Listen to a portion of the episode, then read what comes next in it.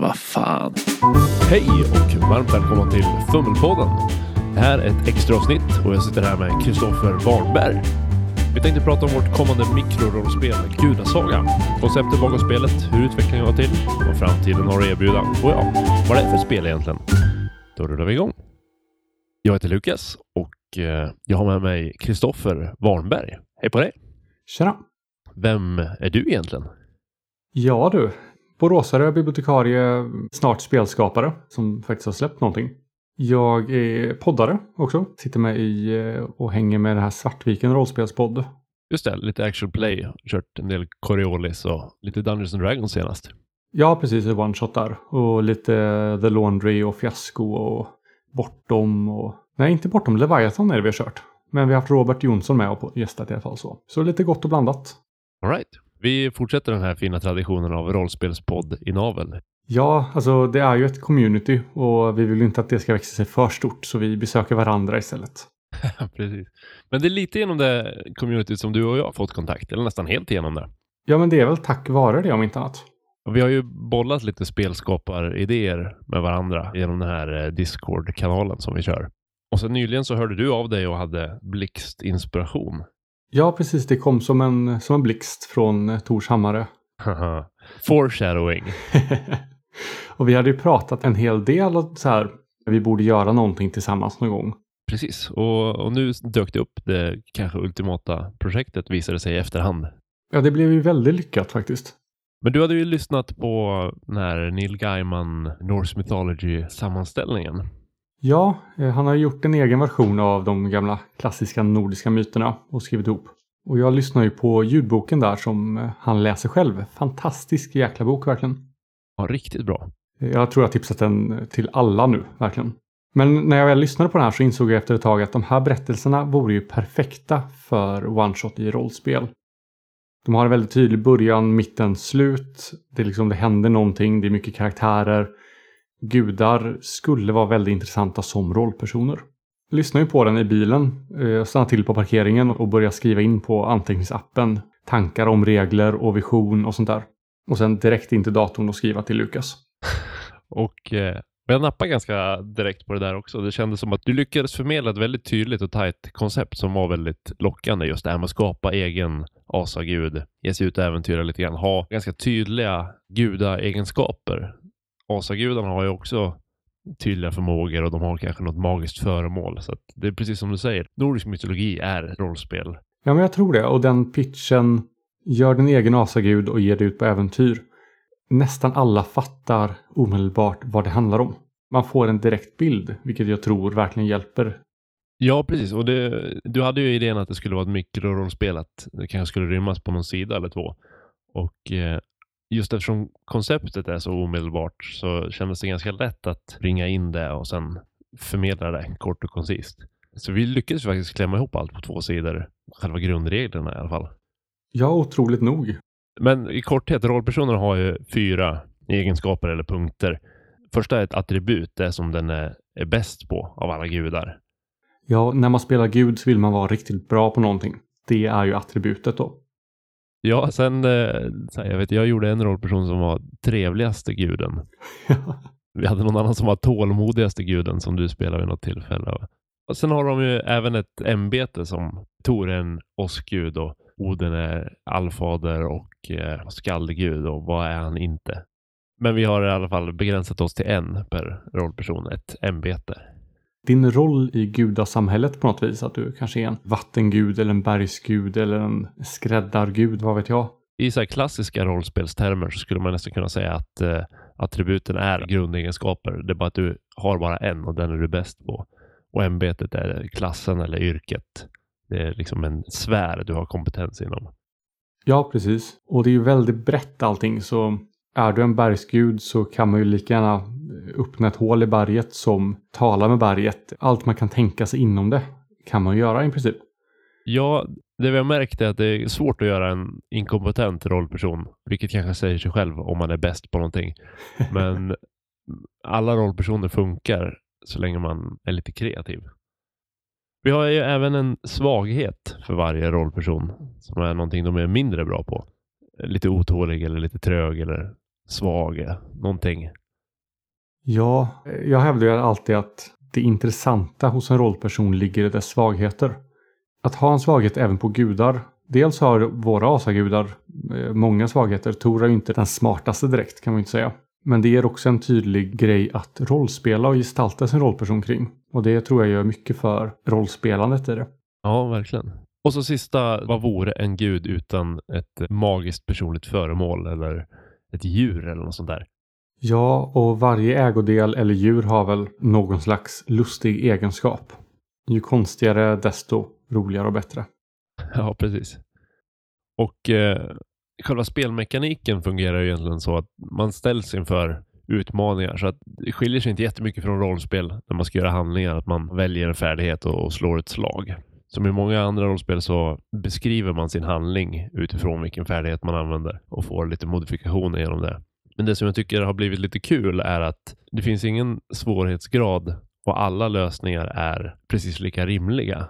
Ja, så länge du kan motivera för dig själv och SL hur någonting fungerar så du kan lika gärna vinna en strid genom att tala snällt med trollet som att slå det i huvudet. Alla lösningar som på något sätt skulle övervinna trollet är tillåtna.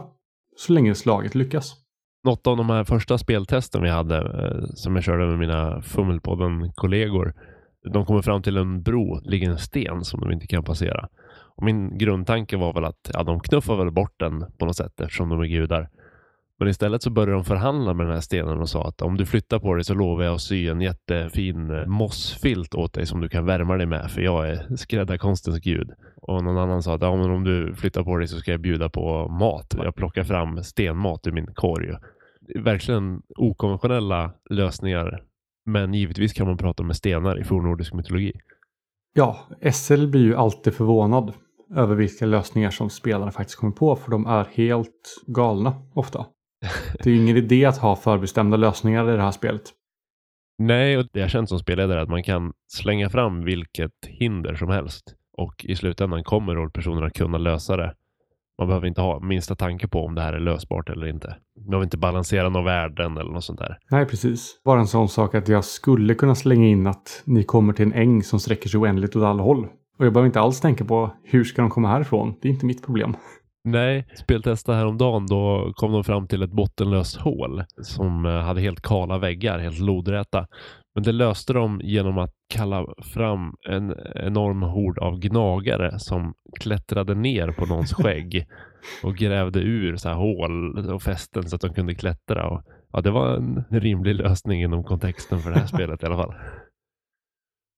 Ja, alltså det är helt logiskt. ja, inom citationstecken i alla fall. Men det som vi har varit ute efter, dels känslan av att skapa sin egen asagud och ge den lite olika attribut. Men sen även att man ska kunna one-shotta fornordiska myter och sagor. Det som blir av en spelsession, det ska vara en eh, fornnordisk fornordisk saga som skulle kunna passa in i Eddan eller vad som helst. Och hittills har vi väl vi har inte spelat någon saga hittills som inte känns som att vi vill berätta den för någon. De sagorna våra speltestgrupper har gjort har också känts liksom de vill dela med sig av det här till oss. Ja, det har varit superkul faktiskt. Och då läser man igenom det och man får varje gång man läser en spelrapport så får man känslan att ja, okej, den här skulle man kunna skriva in i någon av de källorna som vi har kikat på. Och varje morgon nu så min, eh, vi speltestar ganska intensivt. Och varje morgon så min grabb så har du spelat rollspel? Kan du berätta en rollspelsaga? Ja, det är ju den bästa respons man kan tänka sig där. Ja, verkligen. Jag vet inte hur mycket vi ska klappa oss på ryggen. Det blev väldigt bra. Sen om det var av en händelse eller briljant design, det låter vi vara osagt. Ja, men det roliga där är ju att alltså de sagorna där vi inte varit med och spelat, de påminner väldigt mycket om de där vi har varit med. Så spelet verkar ju uppmuntra till en viss sorts berättande och vi behöver inte vara med för att den sortens sagor ska skapas. Och det är nog en av de sakerna jag är stoltast över med det här spelet hittills. Absolut. Väldigt tillfredsställande att se att det klickar för, för flera än en själv. En annan grej som vi la in lite med inspiration från fornnordiska myter, det är ju inte bara det här klassiska äventyrandet tillsammans, utan även att man gnabbas lite grann och bråkar och försöker bevisa sig bäst och, och beter sig ganska illa ibland. det här är ett rollspel man kan vinna också. Och där fick vi en väldigt bra respons från Agnes när vi spelade i, i Tärningen kastad. Avsnittet kanske har kommit ut när det här släpps eller så kommer det ut snart. Vi är lite osäkra på den exakta tidsramen där. Men lyssna på det när ni eh, kan. Men hon var ju verkligen så här, kan man vinna? Och hon blev helt överlycklig över det. Vilket kanske inte alla blir, men eh, hennes reaktion gjorde mig glad. Att vinna är ju inte målet, men man kan göra det. Ja, min tanke och erfarenhet av det i alla fall är ju att eh, det blir en narrativ grej i fiktionen som man kan rollspela kring mer än att det blir ett moment i spelet som är avgörande. Narrativt blir det intressant om någon av gudarna vinner och är bäst och blir extra hyllad. Men som spelare så bryr jag mig inte så mycket om vem det är. Jag tycker bara att det är en intressant eh, aspekt i spelet. Och eftersom det är inbyggt i spelet att alla prövningar och utmaningar man ställs inför kommer man klara av. Så blir ju det intressanta kanske inte om man klarar en prövning utan vem som gör det och hur. Så eftersom det inte finns en förlust så finns det istället en vinst. Så man kan ju se det som att vi har vänt på det där på något sätt. Ja, det är sant. Och vi har ju även lagt in lite så mekanik att man kan sabotera för varandra. Det har ju blivit naturligt och det uppmanar vi till i reglerna att man ska hålla på och häckla varandra under tiden någon annan försöker. Men även mekaniskt så kan man sabotera för varandra så att folk misslyckas med sina handlingar. Så att, för det är ju en person i taget som får lösa varje hinder och visa att den är duktig. Och misslyckas den så går turen över till en annan person. Så det har ju vissa så här brädspelselement i och med det och tävlingsmomentet. Men det blir ju ändå i fiktionen på ett annat sätt än brädspel eftersom man rollspelar och spelar de här gudarna som ja men får se vad du går för då om du kan göra bättre själv. Ja, och alltså mekanik och narrativ har ju blivit väldigt tätt sammankopplat. Man kan ju också hjälpa varandra, det är inte bara att sabba. Du försöker ta över den här klyftan nu, men jag är ju starkast. Om jag kastar dig över så kan du göra någonting sen på vägen, så jag hjälper dig i slaget. Och så känner man själv lite på det också. Ja, för det finns ju mekanik som heter högmod som visar hur självgod man har blivit av sina egna framgångar kan man väl säga. Och genom att faktiskt hjälpa någon annan så visar man ju ändå att man inte har den här extrema övertron på sig själv och sin egen förmåga och man kan sänka sitt högmod lite. Just det. Och det andra värdet som man bygger upp under ett scenario är ju ära. Att varje gång någon överkommer en utmaning så får den ära. Och ju fler som misslyckas innan man själv får försöka med samma utmaning, desto mer ära får man. För det var ju bevisligen svårt. Ja, och det är därför man vill sabotera. För, för varje person som misslyckas så höjs äran man kan vinna om jag sabbar för dig och det sen blir min tur. Dels får inte du någon ära för det. Men dels får jag ju mer ära än vad du skulle fått. Som sagt, det dyker upp de här prövningarna som vi kallar dem. Som på sätt och vis är mer uppstyrda än kanske traditionellt i rollspel. Ja, de flesta av dem är ju planerade helt och hållet tidigare. Jag brukar ju sen hålla det så pass uppe att jag kan slänga in några improviserade prövningar. Men man går ju ofta en rak linje från prövning till prövning och rollspelar däremellan och runt omkring prövningen. Det är ju väldigt rälsat så sätt. Man har 5 till 10 hållpunkter på schemat som man betar av en i taget. Men trots rälsningen så känns det ändå som att i och med att lösningarna är så extremt flexibla så känns det inte som att vi måste lösa det här på det här sättet. Vilket jag tycker tar bort en del av rälsningsproblematiken. Ja, jag tänkte precis säga det. Jag är ganska fientligt inställd mot rälsning nu för tiden. Men just i den här kontexten eftersom man behöver inte sitta och försöka lista ut vad spelledaren vill. Utan det flyter på av sig själv. Så där man fokuserar på istället hur man ska, hur ska jag lösa den här prövningen vi står för med mina tre olika egenskaper hur ska jag komma på en rimlig lösning med den lilla verktygslådan jag har? Precis, det är aldrig det här vad har SL tänkt att vi ska göra i den här scenen? Den behöver man aldrig tänka, vilket ger en väldig frihet tycker jag. Ja, jag håller med.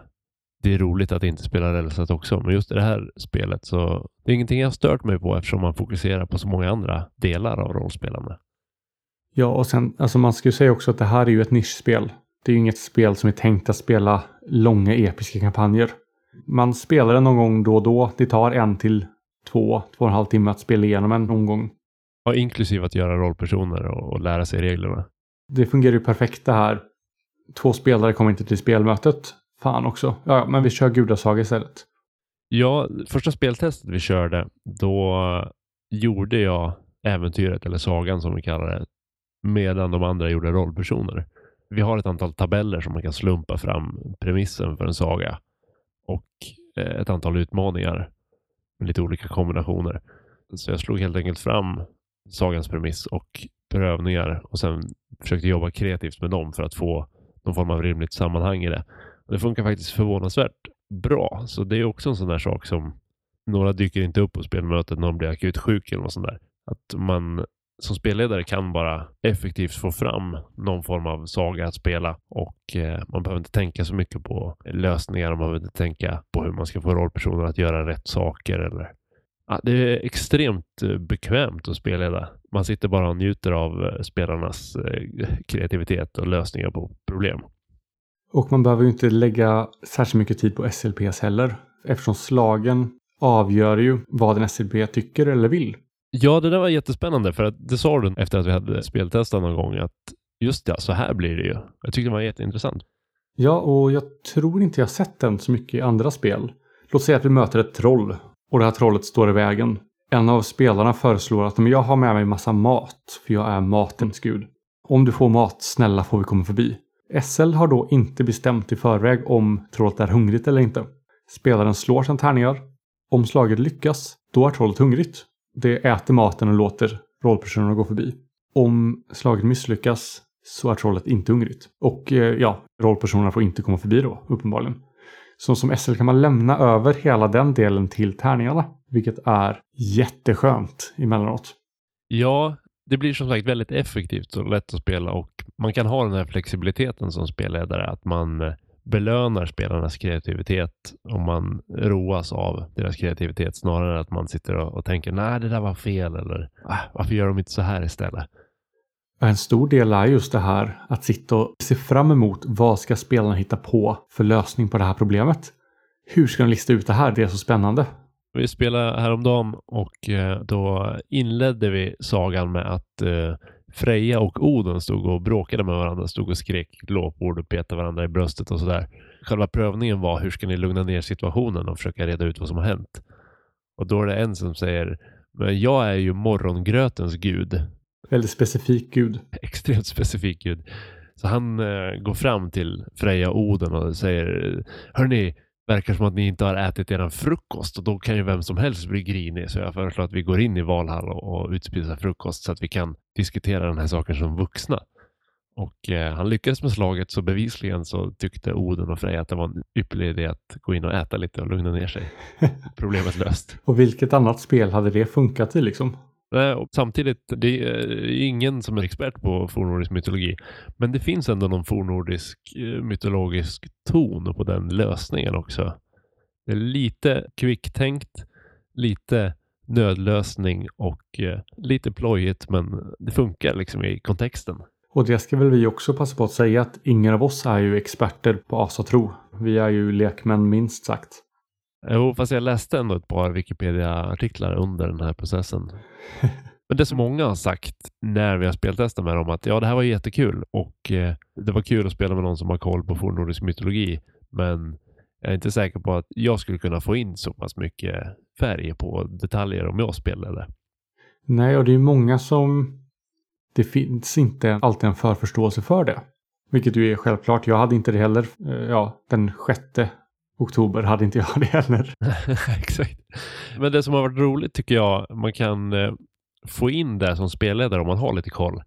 Det blir allmänbildning kombinerat med det blir stämning i det här spelet tycker jag ändå, för att det är så man är van vid att läsa fornnordiska sagor. Man kan nästan dra det till sin extrem ibland. Så, ah, men ni träffar på Heimdall, väktaren av Bifrost, som är son till nio vågor och hans morfar är vattenguden Ägir. Han ler mot er med sina tänder av guld. Man kan nästan få in all den informationen i en presentation utan att det blir helt krystat. Nej, jag tycker tvärtom. Det blir stämningsgivande just för den här kontexten och eh, rolig detalj att försöka få med. Men inte så lätt om man inte har jättemycket koll. Så grundplanen var ju egentligen två sidor mikrorollspel och sen eh, ger vi bort det gratis. Vilket fortfarande är planen. Ja, fast lite modifierad bara. För vi har ju en lösning nu på det här problemet att man inte har koll på nordisk mytologi. Precis. Många rollspel har ju en världsbok. Så att det var väl den idén som föddes att man kanske skulle skriva ihop en världsbok. Ja, några sidor bara med de vanligaste gudarna och några punkter om världar och platser. Ja, precis. Kanske föremål och alla de här tokiga djuren som hänger i Asgård och, och varelser som är unika för de här nio världarna som nordisk mytologi utspelar sig i. Och sen kom väl du en dag och sa så här, jag har en helt crazy idé, vad sägs om att vi kickstartade? Precis, så idén var väl om vi kickstartar det här då kan vi få ihop till lite illustrationer, vi kan göra en ganska trevlig världsbok till det och eh, vi kan göra så att det blir ännu enklare att spela det. Ja, och tanken är väl att det ska vara lättläst, det ska vara översiktligt. Jag kan läsa om Helheim om jag har jättedålig koll på det och få en bild av det liksom. Tillräckligt för att kunna använda i spel. Med en minut läsning. Ja, precis. Allt ska vara snabbt, effektivt, tillgängligt, genomgående tråd i spelet. Ja, vi vill inte göra en världsbok som man måste läsa igenom för att kunna spela. Det som är intressant med nordisk mytologi också är ju att den är ju ganska diffus. Det är många sagor som inte går ihop med andra sagor och, och kronologin är väldigt otydlig och allt är inte alltid logiskt. Så att det finns ju inte så mycket rätt eller fel i de här världarna heller. Nej, och det är också ett argument känner jag för all den här informationen finns ju redan ute. Det är bara att googla. Men det vi har märkt när vi har suttit och skrivit det här är ju att det finns så mycket motsägelsefull information där ute. Vi försöker ändå koka ner det på något sätt så att ni slipper sitta och googla. Eh, och där tror jag att världsboken kan komma mycket till hjälp. Att vi har gjort det jobbet. Det finns ju massa jättebra böcker som har sammanställt namnlistor i bokstavsordning och sådär. Jag tänker ändå att vi som är lite vana rollspelare plockar ut det som är värt att använda som en SLP i princip. Eh, mer än att fokusera på att i den här sagan så gör den här guden det här. Men i den här sagan som kanske handlar om den här guden så träffar han den här personen och det blir mycket så här irrelevant. Man vill ju egentligen ha det göttiga när man ska spelleda en SLP. Hur ser de ut? Hur beter de sig? Och så vidare. Ja, vi har verkligen försökt plocka ut delar från sagor och texter om gudarna och försökt göra det användbart i en rollspelskontext. Och som sagt, vi är ju inga experter på det, men ganska användbart. Jag sitter själv nu när jag speltestar och bläddrar i våra dokument. Och, ja, men det här är ju en intressant plats. Den slänger jag in. Det kan jag säkert göra någon form av saga av. Ja, precis. Och vi blir ju inspirerade av det vi själv har sammanställt hittills. Det borde vara ett hyfsat gott betyg. Vi är så sjukt självgoda. högmodet är ju helt klart återkommande. Vi har maxat det tror jag. Ja, men vi har ju faktiskt speltestat en hel del och eh, lite därför det känns tryggt och kickstartar också. För att eh, det gör vad det ska göra. Jag har inte kört ett enda spelmöte hittills som har känts tråkigt, dåligt eller som att reglerna inte fungerar. Vi kanske behöver tweaka någon bonus hit eller dit. Men det är alltid roligt att spela. Av de gångerna jag har kört i alla fall. Och jag har kört det fyra gånger nu på en vecka. Så man skulle kunna tröttna på det. Men det, det, är fortfarande kul liksom. Jag ser fortfarande fram emot nästa gång jag ska spela det. Ja, som sagt, planen är ju att eh, själva de här två sidorna, de kommer ju bli gratis. Den här kickstarten, ja vi spelar in det här lite tidigare, men när vi släpper det så är nog kickstarten igång. Det borde den vara. Så den kommer ju pågå under hela november, lite grann i oktober, lite grann i december. Ja, 4 december är sista datumet va? Så om ni lyssnar på det här och det börjar närma sig 4 december, så in och backa det här. Så kan vi proppa in ännu mer roliga illustrationer, ännu mer eh, extra grejer, alltså olika världsbeskrivningar, kanske utökade slumptabeller, spelledartips för roligare sagor och ja, framförallt mer bilder, för det är de som kostar pengar. Alltså våra stretch goals handlar ju om att vi gör arbete. Men ju fler stretch goals vi når, desto mer pengar får vi att faktiskt kasta på andra som gör produkten ännu bättre. Ja, precis. Målet är ju på något sätt att inte gå jättemycket back och få en jättehäftig produkt som man kan sälja till en billig peng. Det är ju det här med högmod igen. Vi har ju tänkt att vi ska ha klart spelet hyfsat tidigt nästa år. Ja, någon gång som mars senast. Ja, precis. Det borde vi fixa. Hur svårt kan det ja. vara? Det finns väl inga Kickstarter som blivit försenade, tänker jag. Nej. Inte vad jag kan komma på i alla fall. Nej, jag har nog ingen, ingen på rak arm sådär. Ja, nej, men jag känner ändå en viss eh, övertygelse om att vi kommer kunna leverera det här i tid. Ja, ända sedan du skrev så har det liksom skrivits nonstop och det är kul att se att det funkar så bra i praktiken och eh, det ska bli kul att se vad det blir av det i slutändan. Ja, och jag är superpepp på att se vart det här tar vägen. Då så. Det kommer en massa länkar i avsnittsbeskrivningen. In och backa så kör vi järnet. Bra, då säger vi så. Tack för idag! Du har lyssnat på Fummelpodden som presenteras i samarbete med Studiefrämjandet. Prenumerera gärna på Fummelpodden i valfri poddradioapp. Nya avsnitt släpps varannan måndag, jämna veckor. Vi blir även väldigt glada om du följer oss på sociala medier. Vi finns på Facebook, Youtube och Instagram där vi heter Fummelpodden. Tack för att du lyssnade!